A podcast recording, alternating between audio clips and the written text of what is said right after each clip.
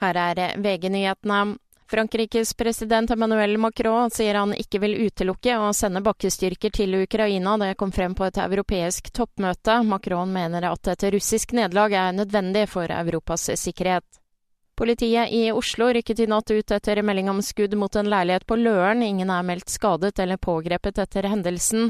Det er funnet flere kulehull i en dør, og en person er sett løpende fra stedet, opplyser politiet. Flere beboere ble evakuert i forbindelse med røykutvikling i en bolig i Tromsø i natt. To personer skal ha pustet inn røyk og ble fulgt opp av ambulansepersonell. Politiet vil etterforske saken. Økende priser på kakaobønner kan føre til rådyrsjokolade. Prisen for ett tonn kakaobønner på råvarebørsen i London steg nylig til rekordhøye 5500 euro. For bare ett år siden var prisen på 2500 euro, og det betyr dyrere varer. Av bønnene eller frøene lages både kakao og sjokolade. Dårligere avlinger i Elfenbenskysten og Ghana, trolig som følge av klimaendringer, er blant årsakene, ifølge WWF. Reporter Thomas Alsaker. I studio Kristin Strand, nyhetene får du alltid på VG.